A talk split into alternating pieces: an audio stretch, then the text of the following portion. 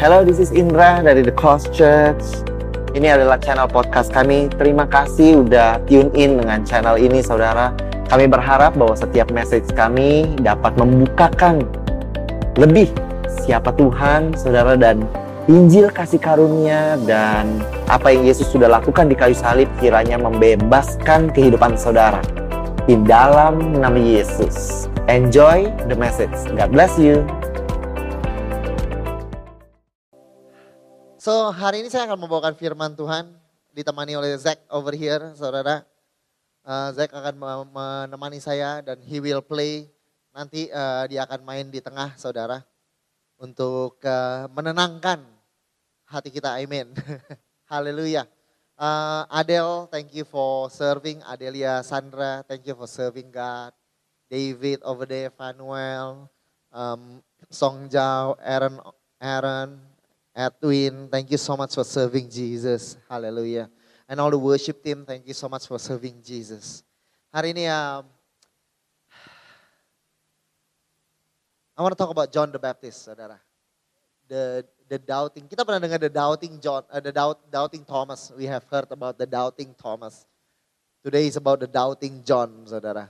Wow, the doubting John, the Baptist, saudara. Kita nggak pernah dengar itu, saudara. But it's actually It's actually true saudara. Coba kita bacakan sesaat um, firman Tuhan. So um, be seated everybody at home. Take a deep breath.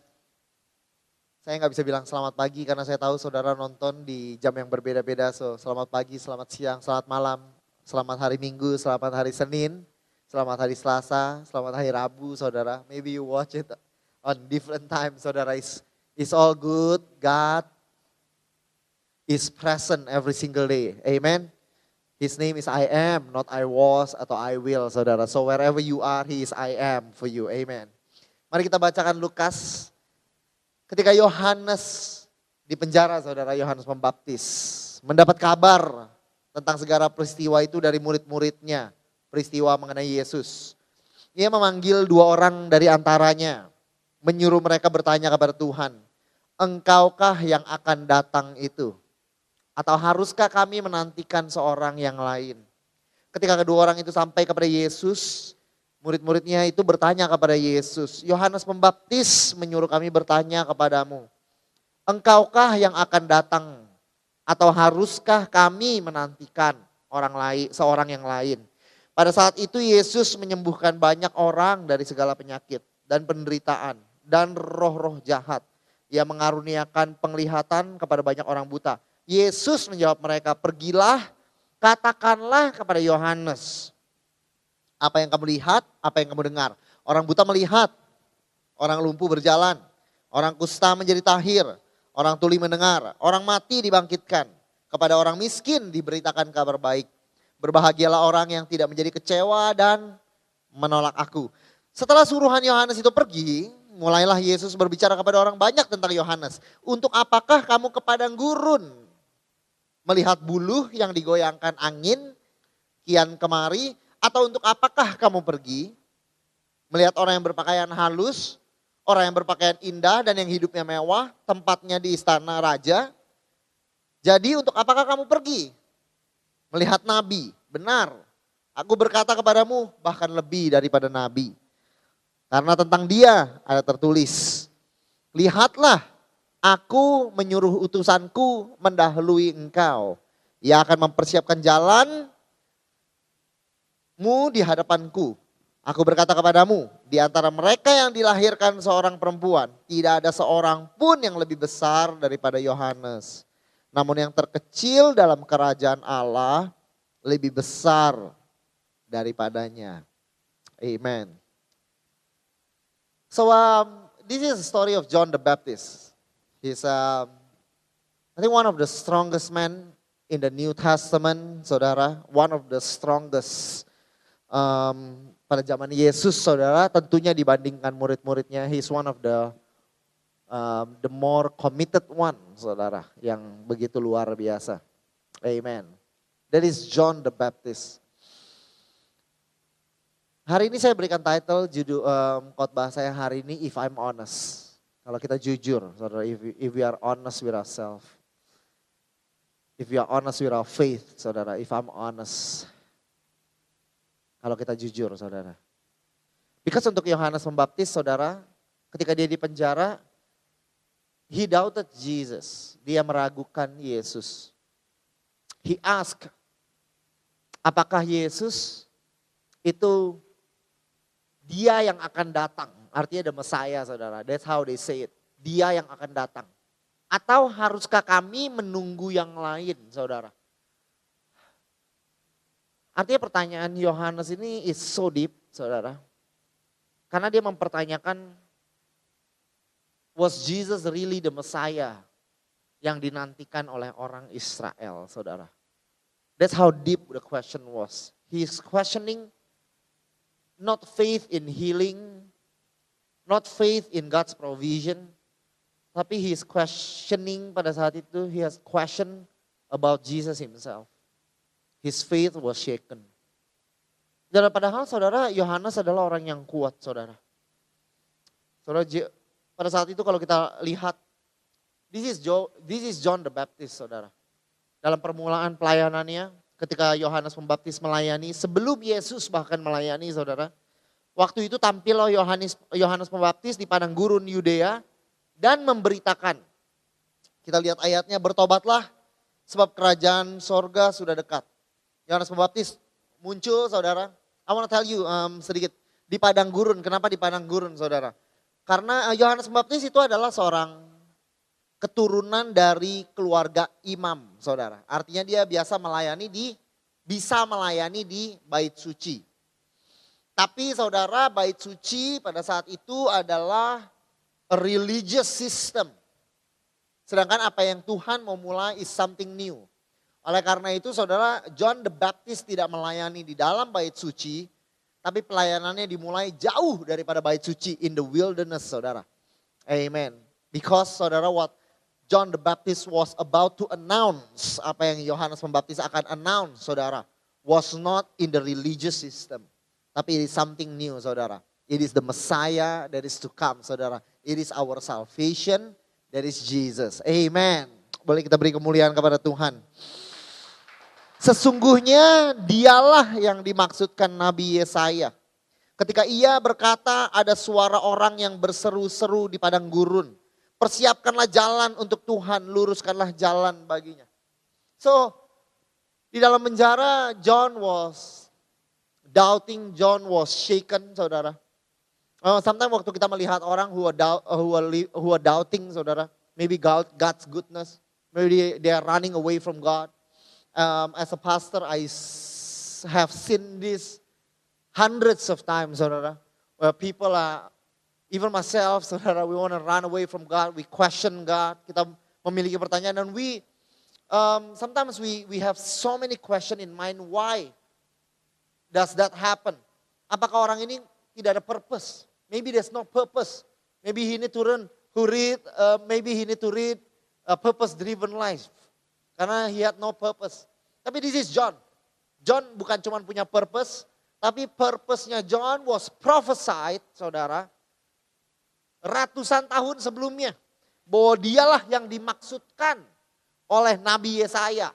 Ketika ia berkata ada suara orang yang berseru-seru di padang gurun persiapkanlah jalan bagi Tuhan. John was bukan cuma punya panggilan, sangat terpanggil. Dia he's one of the prophet that was prophesied, saudara. Kedatangannya, saudara. So he had purpose. But still he had question, saudara. Lalu apakah is, is it his commitment? Apakah karena kekurangan komitmen? Maybe kekurangan puasa? Zach, kekurangan puasa kayak ini. Maybe kekurangan puasa, maybe kekurangan doa, maybe kekurangan komitmen, saudara. Dilanjutkan di ayat itu Yohanes memakai jubah bulu unta dan ikat pinggang kulit. Makanannya belalang dan madu hutan. Yohanes gak peduli saudara. He doesn't care about the world. He doesn't care about even food. He doesn't care about clothing. He is, jadi sometimes maybe you wanna ask why? Why this person run away? What the, uh, kenapa orang ini jauh dari Tuhan? Kenapa orang ini we have so much question mungkin Saudara, maybe we want to ask their commitment. Tapi this was John, saudara. Yohanes Baptist has no problem with commitment. John the Baptist had no problem with commitment. John the Baptist, saudara, did not care about the things he eat. Dia katanya makanannya belalang. Di situ nggak dibilang belalang, jangkrik, hal-hal lainnya. Hanya dibilang belalang. Artinya saudara makannya satu jenis. Can you imagine? Just eating one thing. That's the, the, the that's the fasting saudara yang Yohanes Pembaptis lakukan. So for John saudara he didn't care. He he had one conviction. He had one purpose. He had one calling. He just want to preach Jesus. That's all he wanted to do, saudara. He just want to serve Jesus, saudara. Dia punya keyakinan dia begitu dalam, komitmen dia begitu dalam, panggilan dia begitu dalam, saudara. Reaching out to two hundreds of years be, um, ke belakang, saudara. Itu adalah panggilan dia, saudara. Maka datanglah kepadanya penduduk dari Yerusalem, dari seluruh Yudea, dari seluruh daerah sekitar Yordan. Apakah he was not anointed? He's an anointed person, saudara. Dia begitu anointed. That is John. Dia begitu anointed, saudara. Dia menjadi otoritas zaman itu. He was the prophet of the of his day and age, saudara. He was before Jesus, saudara, was announced Basically, John was it, saudara. John was the Malachi. John was the Jeremiah of his day. Can you imagine? John was like the Elijah of his day. John was like the Moses of his days. This is John the Baptist. No lack of anointing. Tidak ada kekurangan daripada urapan, saudara. Tidak ada kekurangan dari power, saudara. Tidak ada kekurangan, saudara, dalam karisma, saudara. People came to him. Dari semua, he was the authority of his day and age, saudara. Mempersiapkan jalannya Yesus, saudara. That was John. How amazing was John the Baptist, saudara. How amazing was John the Baptist. Sometimes we question, kenapa people bisa bisa doubt it, doubt God, kenapa orang bisa lari dari Tuhan, kenapa orang bisa malas sesaat atau lebih dari sesaat. Have you seen that? Have you been that person before? I have been that person. ran away from God. Six months, one year, three years, saudara. What is it? Apakah karakternya dia? Saudara, John di Yohanes 1, saudara. Let, let us read more about John, saudara. Yohanes memberi kesaksian tentang dia. Dia berseru, inilah dia yang kumaksudkan. Ketika aku berkata, kemudian daripadaku akan datang dia yang telah mendahului aku. Sebab dia telah ada sebelum aku. Dari kepenuhannya kita semua menerima kasih karunia demi kasih karunia. Sebab hukum Taurat diberikan oleh Musa. Tapi kasih karunia dan kebenaran datang oleh Yesus Kristus. Did he not understand grace, saudara? Apakah karena dia nggak mengerti the, the grace of God? No, he was the original preacher of grace. Dia berkata bahwa Jesus came. The law came through, uh, the, the law was given through Moses, but grace and truth came through Jesus Christ. And upon, uh, dan daripadanya kita menerima kasih karunia demi kasih karunia. So he and he understood grace. That was John. He understood grace and he preached Jesus. Why did he fall? Why such a mighty man? Question, question Jesus and who Jesus was. If you have been a Christian long enough, if you have, kalau saudara menjalani kehidupan kekristenan long enough, I think you will understand what I mean. Bahwa the things are not always easy.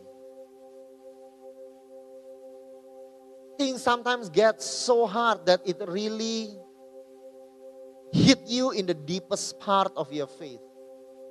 The doubt that you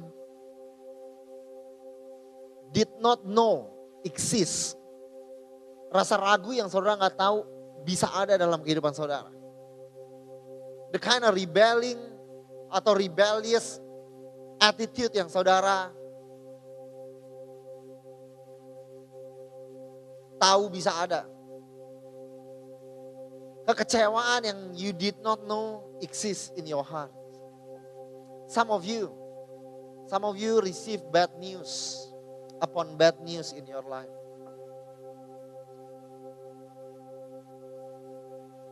And you want to disqualify yourself. Maybe you are not anointed. Maybe you're not committed. Maybe you're not called. Maybe you're not such and such. Maybe you did not really understand grace. Orang ini udah mengerti grace. Tapi kejadian mana kehidupannya seperti ini masih. Maybe I did not understand. Tapi kita lihat kembali di dalam Yohanes. Ini adalah kesaksian Yohanes.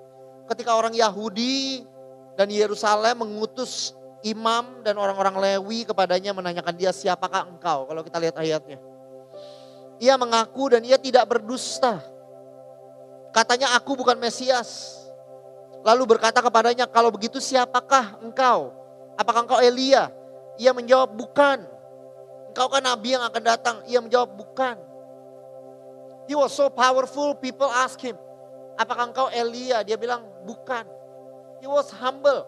Bukan hanya he knew Jesus, tapi he knew himself. He knew what he was not, saudara. Bahwa dia bukan Elia. Buat dia, I'm not that great. So this is a humble person. Tidak ada dusta. A pure person. A genuine person. Sometimes kita mempertanyakan orang waktu mereka jatuh dalam dosa. Kita pertanyakan pelayanannya. Kita pertanyakan apakah dia bahkan pernah percaya Yesus. Kita pertanyakan keselamatannya. Kita pertanyakan hatinya apakah dia genuine atau enggak. But this is John, saudara. He was as genuine as it gets, saudara. Bahkan waktu orang bilang, maybe you are Elijah. Dia bilang, bukan, I'm not. Even people want to put him on the pedestal, dia nggak mau, saudara. Nah waktu Yesus membaptis, waktu Yohanes membaptis, membaptis Yesus, saudara ingat? Yohanes menjawab mereka katanya aku membaptis dengan air. Tapi di tengah-tengah kamu berdiri dia yang tidak kamu kenal. Kalau kita lihat ayatnya. Yaitu dia yang datang kemudian daripadaku. Membuka tali kasutnya pun aku tidak layak.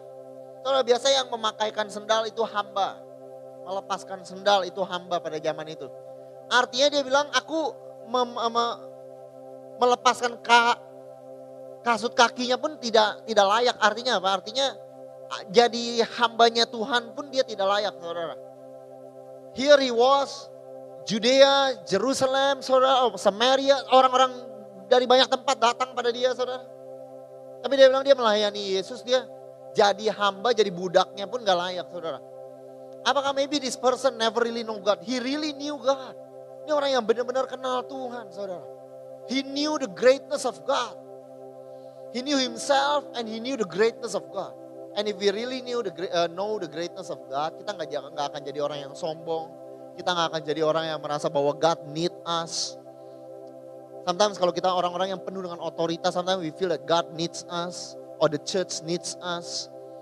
Tapi untuk um, John the Baptist dia bilang, this is true humility, though, when you really know who God is. Akan ada true humility. Dia bilang aku jadi copot kakinya pun gak layak. Saudara, we, we, we, we know right, saudara tahu kan bahwa kita persembahannya sebetulnya gak layak saudara. Because Jesus really do, do not need our money. He does not need our money at all. Serius sama sekali. Bahkan persembahan kita dikuduskan dengan darah Yesus. Even is a, our offering is a blood wash offering. Karena kita bahkan gak layak saudara to sing for Jesus. Kita gak layak. Not only because you have sin, tapi you as a person gak ada kelayakan dari saya untuk melayani Tuhan, saudara. It's not. Gak ada kelayakan, saudara. Dan untuk John the Baptist dia tahu, saudara. Dia bilang saya untuk jadi budaknya aja gak layak, saudara. So he was a humble person. He was a humble person. Pada keesokan harinya Yohanes melihat Yesus datang kepadanya. Ia berkata, lihatlah anak domba Allah yang menghapus dosa dunia. Maybe he was full of himself. Makanya dia akhirnya jatuh. Maka dia akhirnya mempertanyakan imannya. Maybe he was full of himself. No. Pada saat itu waktu dia lihat Yesus, dia bilang sama murid-muridnya, look, the Lamb of God.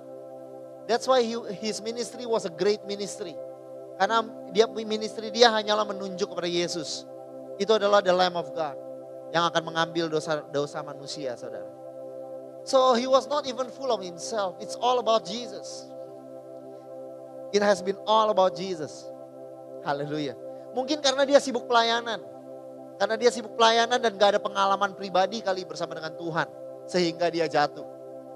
Mungkin dia gak pernah alami kali benar-benar the presence of God. Mungkin dia benar-benar gak pernah mengalami Tuhan dengan dalam. Mungkin dia cuma ikut-ikut pelayanan makanya dia jatuh. Makanya dia akhirnya bertanya mengenai Yesus. Coba kita lihat saudara. Pada keesokan harinya Yohanes melihat Yesus datang kepadanya dan ia berkata, lihat anak domba Allah yang menghapus dosa manusia. Salah. Dan Yohanes memberi kesaksian, salah ayat. Ya saya yang salah ayat.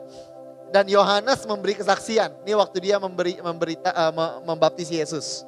Aku melihat roh, roh Tuhan turun dari langit seperti merpati. Ia tinggal di atasnya. Aku telah melihatnya dan mendengar kesaksian ia inilah anak Allah.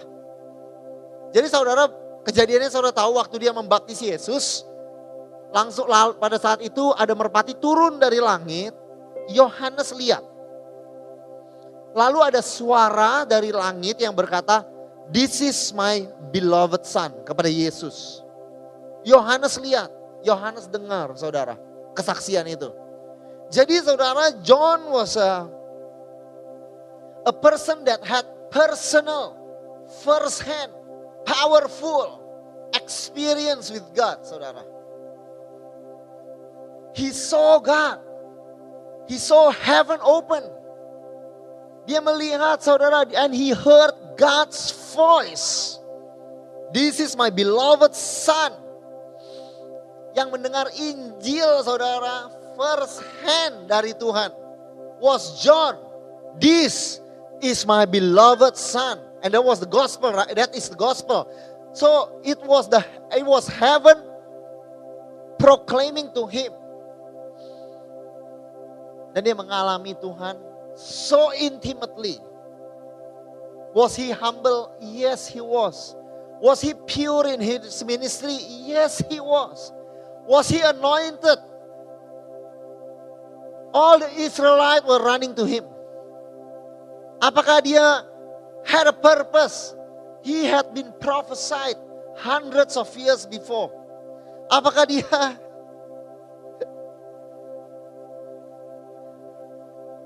Apakah dia nggak ada komitmen? He didn't eat nothing selain daripada belalang dan makanan madu, saudara. He was the the most committed person that we probably knew, saudara. Yang mungkin yang kita pernah tahu, saudara. And there was John the Baptist. Tapi saudara perhatikan, this is, Gonna start preaching, I'm gonna start sharing to you and Zach's gonna play very soon. Ketika Yohanes mendapat kabar tentang peristiwa itu dari murid-muridnya. Ia memanggil dua muridnya. Ia menyuruh mereka bertanya kepada Tuhan. Engkaukah yang akan datang itu? ha erkomenos yang akan datang itu? Atau haruskah kami menantikan seorang yang lain? Di sini dia tanya, apakah engkau itu nabi yang akan datang itu? What are you talking about? John the Baptist, what are you talking about? Semua orang dari Yudea, dari seberang sungai, semua orang datang because they believe in you. Karena mereka percaya when you say, I'm the one yang akan mempersiapkan jalan bagi dia yang akan datang. But now you are asking us to ask him.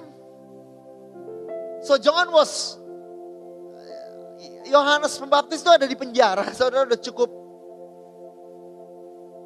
dia jadi bukan orang yang gak tough, bukan orang yang gak tahu hidup keras, bukan orang yang lembek. No, he he left, he, he lived in the wilderness. He he's been there, done that. Dia oposisi udah biasa, so, tapi It's just that, that his experience broke, shook his faith, saudara.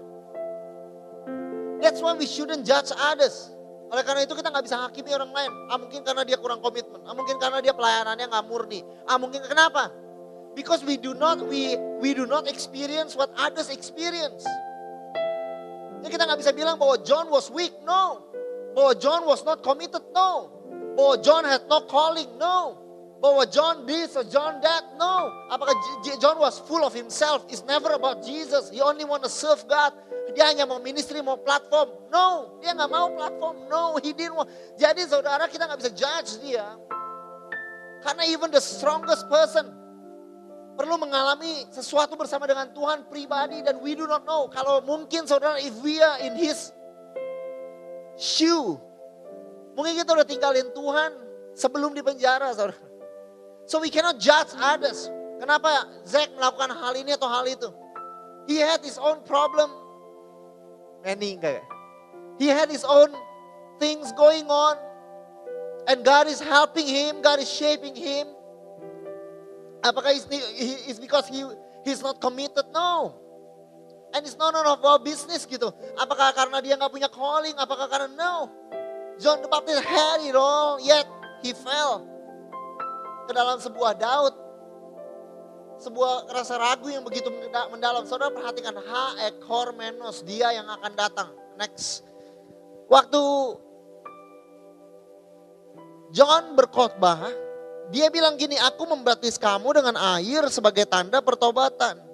Tapi ia yang akan datang kemudian, H erkomenos, daripadaku lebih berkuasa daripadaku. Aku gak layak melepaskan kasutnya. Wah, Justru waktu dia khotbah dulu dia bilang, Ha Erkomenos, dia yang akan datang nanti. Dia akan membaptis kamu dengan roh kudus. Tapi sekarang waktu di dalam keraguannya kita lihat kembali. Ketika Yesus, eh, Yohanes dalam penjara mendapat kabar tentang peristiwa itu. Ia memanggil dua orang dari antaranya, ia menyuruh mereka bertanya kepada Tuhan. Engkaukah yang akan datang itu? Ha Erkomenos atau haruskah kami menantikan yang lain? Saudara, John preach. Yohanes yang berkhotbah bahwa Yesus yang akan datang. Tapi saat ini dia yang bertanya, apakah engkau yang akan datang? He supposed to know better. He supposed to understand better. He supposed to be the mature one. Dia yang harusnya dewasa. He read the Bible more than anyone. He preach it. Dia yang mengajarkan itu. Sekarang dia mempertanyakan hal itu saudara. Dia yang menunjuk, dia yang bilang kepada semua orang. Now, dia yang mempertanyakan saudara. My conclusion is this. Bahwa even people who are mighty and strong needs grace. Needs a deep and personal grace. Bahwa orang yang terkuat sekalipun membutuhkan kasih karunia. Bahwa orang yang terkuat sekalipun membutuhkan Tuhan untuk pegang tangannya. Bahwa there's no enough strength in our life. Untuk kita bisa berjalan dan menyelesaikan perjalanan kita. Even John needed grace. And if John the Baptist needed grace, I know I need grace. Itu yang pertama saya pelajari saudara. Even the strongest of it all had their moment of weakness. Ada waktu-waktu lemah. I have a pastor friend yang baru mendengar bahwa dia diagnosed by cancer. And in a very late stage of cancer. And I love you and I pray for you. And we are walking with you, we are praying and we believing for God's strength. And I know bahwa sometimes things hit us, hal-hal menimpa kita begitu mengagetkan atau begitu prolong, begitu lama. Sampai it shook us to the very core. Mengguncangkan kita sampai ke yang terdalam. The reason John the Baptist lived hanya satu. Diprophesied dari zaman dulu sampai dia hidup pun dia hanya satu. Memberitahu tentang dia yang akan datang. Tapi waktu dia di penjara for so long, ridiculous dia di penjara dan dia akhirnya dibunuh ridiculous bukan karena iman dia. Bukan maksudnya bukan hanya karena dia berkhotbah atau bagaimana, tapi karena menjadi kado seorang pengantin yang minta kepala Yohanes karena tersinggung. Saudara how low, maksudnya how gak glorious gitu. Gak dia lagi misi, gak dia lagi, no no kayak ada pengantin. So it was a sad moment. Dan pada saat itu dia ragu dan dia guncang. The other things I learned is, I don't think we have the right to judge one another. Even leaders. You should know better.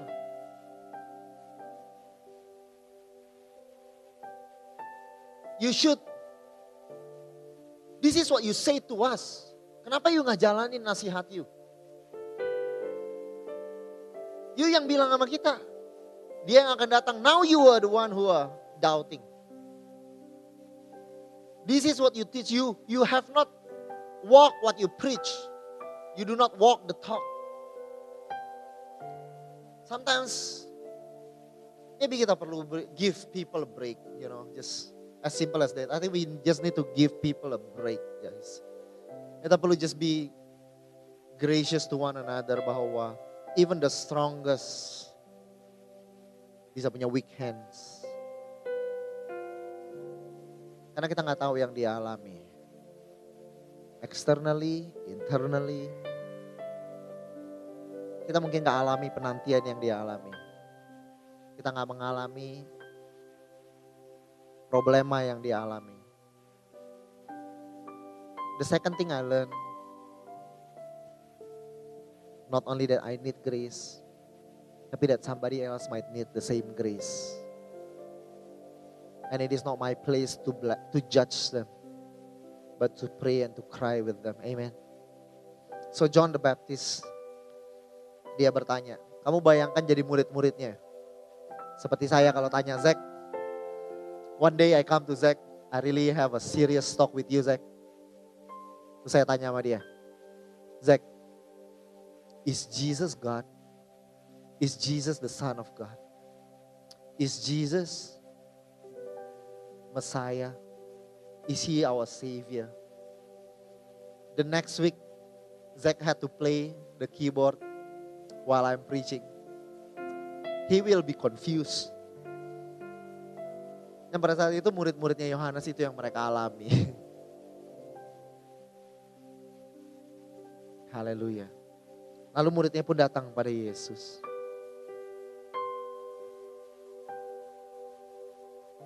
Ketika kedua orang itu sampai kepada Yesus. Mereka berkata, Yohanes Pembaptis menyuruh kami bertanya kepadamu. Engkaukah yang akan datang atau haruskah kami menantikan yang lain? Pada saat itu Yesus menyembuhkan banyak orang dari segala penyakit, penderitaan, roh-roh jahat, dan memberikan penglihatan kepada banyak orang buta. Dan Yesus menjawab mereka, pergilah katakanlah kepada Yohanes apa yang kamu lihat dan kamu dengar. Orang buta melihat, orang lumpuh berjalan, orang kusta jadi tahir, orang tuli mendengar, orang mati dibangkitkan. Kepada orang miskin diberitakan kabar baik. Berbahagialah orang yang tidak menjadi kecewa dan menolak aku. Kita bacakan dalam bahasa Inggrisnya. Pada saat itu murid-muridnya tanya sama Yesus. Yohanes bertanya, apakah engkau benar yang akan datang itu? Lalu ini yang Yesus katakan, yang Yesus lakukan. At that very hour, pada saat itu, Jesus healed, Yesus menyembuhkan banyak orang dari segala penyakit, penderitaan, roh-roh jahat. Dan mengaruniakan penglihatan kepada banyak orang. Saudara perhatikan. Pada saat itu muridnya datang dan bertanya. Yohanes nanya, are you the one? Basically kan gitu. Are you the Messiah? Are you the Savior? Are you the one? Lalu saudara apa yang Yesus lakukan? Pada saat itu dia menyembuhkan orang. At that very hour dia menyembuhkan orang. Lalu Yesus setelah menyembuhkan semua ini dia bilang sama murid-muridnya, katakan pada Yohanes apa yang kamu lihat. Saudara, Yesus menyembuhkan orang-orang di sekitar itu at that very hour untuk murid-muridnya itu bisa kasih tahu apa yang mereka saksikan. Sekali lagi saudara. Yohanes Pembaptis mengalami keraguan apakah benar Yesus ini the Messiah yang mereka tunggu. The Savior. Lalu saudara waktu murid-muridnya tanya sama Yesus at that very hour. Pada saat itu dia sembuhkan orang-orang ini. Lalu dia bilang sama murid Yohanes Pembaptis kamu pergi kasih tahu apa yang kamu barusan lihat. That means saudara Yesus dengan sengaja waktu ditanya seperti itu dia sembuhkan di depan mata murid-murid Yohanes.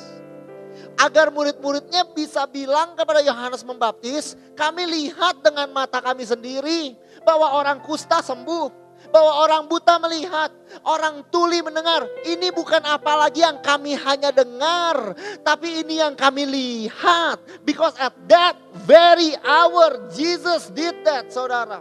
Ketika Yohanes membaptis, mengalami the the question of his life, semua yang dia percaya hari ini hampir runtuh dan ragu. Apa yang Yesus lakukan? Yesus itu kick him on his head, saudara. Yesus nggak men, mengusir dia, tapi at that very hour Yesus justru dengan sengaja dia menyembuhkan orang agar murid-muridnya bisa bilang sama Yohanes, kasih tahu Yohanes apa yang barusan kamu lihat. Jesus helped him. In his moment of doubt, Jesus helped John the Baptist, saudara. Yesus bantu dia, saudara. Di dalam kelemahannya saudara dia pick him up. Saudara kita diajari untuk berjalan dengan iman. Betul kan? Berjalan dengan iman. Tapi kenapa Yesus nggak bilang sama murid-muridnya go, bilang sama Yohanes, walk by faith. Tapi karena Yesus tahu pada saat itu, John has used up all the faith yang dibutuhkan dari dia. And Jesus was kind enough dan dia bilang, I know you've been walking by faith all your life. You need a little proof. And Jesus came and Jesus did that. Yesus bilang sama dia, kasih tahu sama Yohanes, yang kamu lihat. Bukankah Yesus bilang kita nggak boleh berjalan dengan apa yang kamu lihat. Tapi pada saat itu Yesus bilang, gak apa-apa kamu kasih tahu apa yang kamu lihat. Karena Jesus was compassionate saudara. Kepada orang yang yang mengalami keguncangan dalam hidupnya, Jesus is compassionate saudara to you. Waktu engkau ragu, waktu engkau lari. This is what Jesus wanna do to you saudara, kepada saudara and for you saudara. He wanna help you up. Not kick you down. Dia mau membantu saudara. Waktu pada Thomas bilang saya nggak bisa percaya, Yesus bilang ditaruh tanganmu. Di lukaku, taruh tanganmu di sini. Because Jesus want to help the doubting Thomas and the doubting John the Baptist. He want to help them. And that is how kind Jesus is. And I think that is how we should treat our brothers and sisters who runs, who is running away from God, who have big problems in their life. Instead of questioning their commitment, questioning their calling, questioning their humility, questioning, maybe we should just give them a helping hand and help them up. Membantu mereka berdiri saudara. Lalu saudara setelah suruhan Yohanes pergi. Mulailah Yesus berbicara kepada orang banyak itu tentang Yohanes. Pada umumnya Yohanes all his life bersaksi tentang Yesus. Tapi waktu saat ini di masa terendah Yohanes, Yesus bersaksi memberi, membicarakan tentang Yohanes, saudara. John has bore witness about John, eh, about Jesus all his life. Tapi in his darkest hours, Jesus gave his witness about John, saudara. Dan ini yang dia katakan. What did you do What what did you go out into the wilderness to see? A reed shaken by the wind? Kamu ngapain sih ke padang gurun? Kamu mau lihat bulu. Bulu itu di padang gurun banyak. Dan biasanya a shaken by the wind. Apa tergoncang, terombang-ambing. Artinya Yesus bilang kamu kan ke padang gurun bukan lihat bulu yang bergoyah, bergoyah kan. Pada maksudnya dia lagi berbicara bahwa Yohanes bukan seperti itu. Padahal masalah yang sedang Yohanes alami saat ini adalah dia bergoyah kan tentang imannya. Tapi justru Yesus berkata, kamu ngapain? Kalau ke padang gurun. Yang kamu temukan bukan buluh yang bergoyah kan di situ. Bukan itu yang kamu lagi mau lihat. Yesus membela Yohanes. Justru Yohanes lagi doubting, lagi ragu. Tapi justru Yesus, poin pertama yang Yesus bilang, dia mau bilang bahwa Yohanes bukan orang yang seperti itu. Kamu goyah sesaat, bukan berarti kamu orang yang goyah. Kamu jatuh dalam dosa ini, bukan berarti kamu pendosa seperti ini. Penjina seperti ini keras kepala. Bukan dicap oleh Yesus, tapi Yesus bilang he's not. Jesus defended him. Karena buluh yang terkulai gak akan dipatahkan oleh Yesus. Sumbu yang udah pudar gak akan dipadamkan oleh Yesus. Apa yang Yesus katakan, Jesus speak his mind, his heart mengenai Yohanes. Bahwa dia masih gak despise Yohanes merendahkan. Tapi dia bilang, kamu bukan lihat buluh yang lagi terkulai. Lalu dia lanjutkan kedua gini. Untuk apakah kamu pergi? Melihat orang yang berpakaian halus, orang yang berpakaian indah dan yang hidup mewah, tempatnya di istana raja. Karena kedua hal kedua yang dipertanyakan komitmen daripada Yohanes. Apakah dia orangnya tidak committed? Tapi Yesus bilang enggak kamu bukan kamu ketemu orang yang kayak di seperti Yohanes itu itu orang dia itu orang yang udah tinggalin segalanya. Dia pakainya jubah bulu unta. He was not committed to food atau to clothing. He was committed to me. So Jesus defended John the Baptist. Dia bilang he was dia nggak nggak orang yang bergoyah dan dia buka dia orang yang sangat committed. You have to know that. Dua hal ini pertama kamu perlu tahu. Yesus kasih tahu dulu kepada orang-orang banyak saudara so that they did not question Jesus. Eh, John, dia defended. I wonder about kita. Ketika teman-teman kita lagi ada yang salah, jatuh, lemah.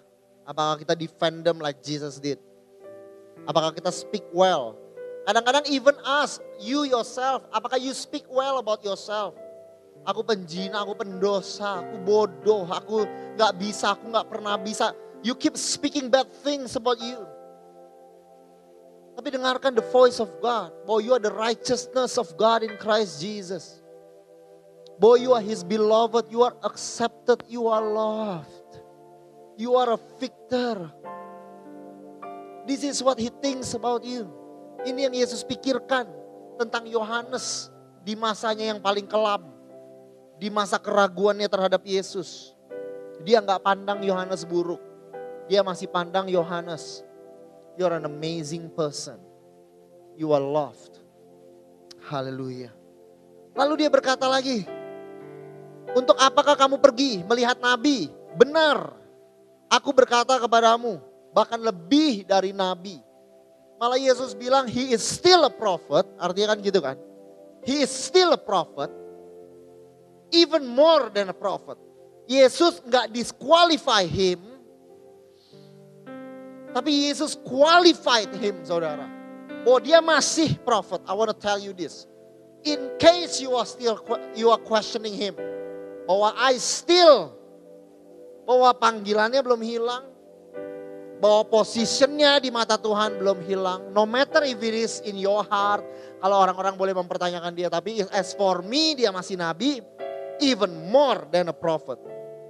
How amazing is that? That's how Jesus thinks of us. Gak yang kok gitu banget sih orang kalau udah pelayanan begitu banget. Is that, that's not how Jesus thinks, saudara. Yesus bilang dia a even more than a prophet. Lalu dia berkata, aku berkata kepadamu. Bahkan di antara mereka yang dilahirkan seorang perempuan tidak ada seorang pun yang lebih besar dari Yohanes. He is the greatest of them all sebelum kerajaan Allah. Haleluya. Saudara lihat saudara. Apakah dia orang yang terombang ambing? Yesus bilang bukan. Apakah dia orang yang tidak committed? Yesus bilang bukan. Orang yang cinta dengan pakaian indah dan makanan? Yesus bilang bukan dia. Apakah dia nabi? Betul. Apakah dia lebih dari nabi? Betul. Apakah dia yang persiapkan jalan bagi Tuhan? Betul. Apakah dia the greatest of men? Dia bilang betul. Bukan hanya dia nggak diskualifikasi Yohanes. Di tengah keraguannya bukan hanya dia bela Yohanes. Tapi dia angkat Yohanes. Seringkali di dalam dosa kita, kita merendahkan diri kita. Rendah diri. Ketika kita ragu, ketika kita jatuh, ketika kita lemah, kita rendah diri. Dan mungkin kita melihat orang lain yang jatuh, kita melihat mereka semakin rendah di mata kita. Tapi next, ketika Yesus saudara berbicara mengenai Yohanes, dia bilang apakah dia read? Dia bukan read. Apakah dia man? Lebih tinggi. Lebih. Apakah dia prophet? Bahkan lebih lagi. Apakah dia more than a prophet? Lebih lagi. Dia the greatest of men, saudara. Haleluya. Yesus malah mengangkat gaya bahasa Yesus di situ. Dia mengangkat. Dia bukan bulu, dia bukan hanya seorang prophet, dia lebih dari prophet. Bahkan dia the greatest of men. Jesus elevated John. Yesus mengangkat Yohanes. Bahwa dia bilang, this is how I think about you my son. Untuk saudara yang mengalami keraguan, kelemahan di rumah saudara.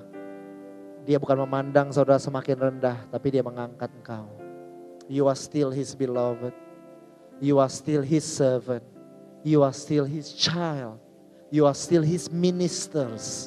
You are still his leader if you are a leader. You are still all that. You are still anointed. Buat Tuhan you are still all that. And Jesus understand what you're going through. Dan dia gak memandang rendah saudara. Haleluya. Worship team will come very soon saudara. Sometimes I want to think low about myself. Kita ingin memandang rendah diri kita. How bad I am. How sinful I am. Seberapa gak layaknya diri saya. Tapi Yesus tidak memandang demikian kepada Yohanes Pembaptis dan juga kepada kita. When you are down, Yesus bilang, saya nggak memandang kau rendah. He loves you all the same. Bahkan dia mengangkat saudara. Dia bilang, you are still a child of God. Still his ministers. Ingat gak saudara? Tadi Yohanes berkata, yang datang kemudian daripadaku membuka tali kasutnya pun aku tidak layak. Akhirnya dia bilang saya jadi hamba Tuhan pun gak layak. Tapi Yesus berkata tadi untuk apakah kamu pergi? Untuk melihat nabi? Benar. Aku berkata kepadamu bahkan lebih dari nabi. Justru di saat di even in his height di dalam tingginya pelayanan Yohanes dia bilang saya buka kasut kaki jadi budaknya Tuhan pun gak layak. Tapi di masa terendahnya Yohanes ketika dia meragukan Yesus di masa terendahnya Yesus bilang kamu tahu siapa Yohanes? Dia lebih daripada seorang nabi nabi itu di perjanjian lama selalu katanya adalah the servant of God. Servant of the most high. Artinya waktu di masa tingginya Yohanes gak merasa dia layak. Tapi di masa rendahnya Yesus malah bilang, hey you are my servant. You are even more than a servant. More than prophet saudara. Yesus malah speak well about John saudara. Lalu Yohanes tadi berkata, di masa tingginya sampai orang-orang tanya apakah kamu Musa, apakah kamu Elia? Ada pertanyaan seperti itu kan. Jikalau kamu mau menerimanya, ialah Elia yang akan datang. Next, Tadi saudara waktu di masa tingginya Yohanes, waktu semua orang mengikuti dia, mereka bertanya kepadanya, siapakah engkau? Elia kah? Dia menjawab, bukan. Tapi di masa rendahnya Yesus menjawab dan berkata kepada orang-orang bahwa jikalau engkau mau menerimanya, ia adalah Elia yang akan datang. Saudara, in his worst moment, bahkan Yesus malah bilang bahwa he was the Elijah to come. Yang yang Yohanes gak bisa terima di masa tingginya. Tinggi pelayanannya. Yesus katakan bahkan di, di his darkest hour. His qualification. He was the Elijah to come.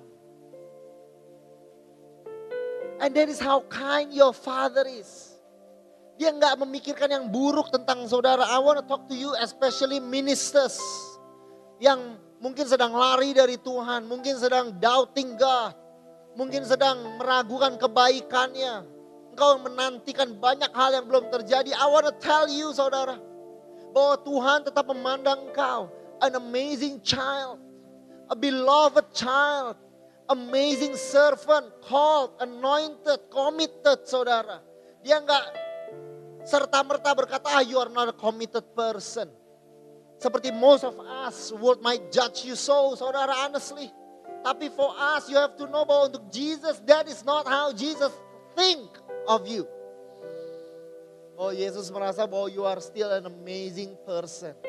Karena apa? Karena dia mengerti what you are going through. Seringkali kita menghakimi orang karena kita memakai kacamata yang kita nggak mengerti keadaan dia. Is it bad to doubt Jesus? Yes. Of course. It is not a good thing gitu saudara. Tapi saudara, even the strongest. Seperti Yohanes Pembaptis. Setelah dia mengalami semua yang dialami. He doubted Jesus. So let us give one another a break, saudara. I have our ministers here that tell us bahwa dia berapa ke gereja online beberapa minggu sekali. Amen.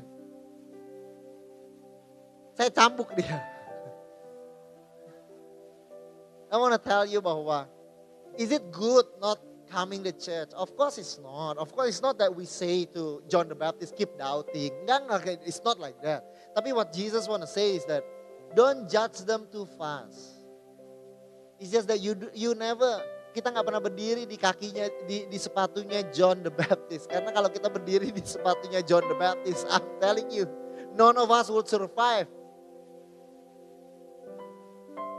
Maybe we shouldn't judge people so hard. Even your leaders. Yesus berkata, mari Yesus help him dari keraguannya. Nah, Yesus berkata hal-hal yang baik mengenai dia. I want to ask you, are you a good witness of your friends? Of your leaders? Even when they fell atau when they fall. Are you speaking good things about them? Or are you cursing them? Doubting them? That is not Jesus. That is not how Jesus thinks. Jadi hari ini I want to speak to you. Somebody worship team maju ke depan. Haleluya. Silakan maju ke depan. Ragu-ragu saya cambuk kamu. Haleluya. Bahwa God in all the problems that you are facing, I do not know what. But God still think that you are his beloved. You are his loved. You are his son. Walaupun kita kadang nggak merasa that we are worthy to serve God. Bahwa he, pada saat itu dia bilang sama Yohanes, he's more than a prophet. Bahwa he still think that you are, dia melayakanmu. Haleluya. Haleluya. God bless you too, Adrian. And he loves you so much that he understands you and your family. He understands your season. And he speak well of you. He thinks highly of you in Christ Jesus. And that is never taken away. Hallelujah. And to them, the blessing of God and the love of Jesus. Always, saudara. Hallelujah. Our situation is up and down. His love for us, constant. Amen. How he thinks of us, constant. Because it is the blood of Jesus that washes us all. And he loves you so much. He loves us so much. Hallelujah.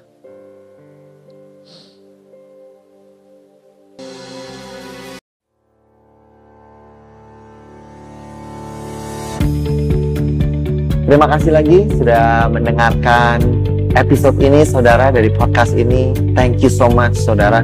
Saya berharap bahwa Injil kasih karunia dan apa yang Yesus sudah lakukan bisa membebaskan kehidupanmu saudara. Kalau saudara diberkati, saya mengundang saudara untuk share saudara um, sermon ini baik secara pribadi kepada your friends and your family saudara atau you can screenshot dan kau bisa bagikan kepada sosial media saudara dan jadilah terang saudara I hope um, message ini melalui saudara bisa memberkati lebih banyak orang lagi. Dan kalau saudara diberkati, saya mengundang saudara untuk subscribe kepada channel podcast ini. Again, I want to thank you. Berterima kasih kalau saudara mendengarkan dan mengizinkan dirimu diberkati dari apa yang kami lakukan. Terima kasih, Tuhan berkati. God bless you and bless you and bless you again. In Jesus' name. Amen.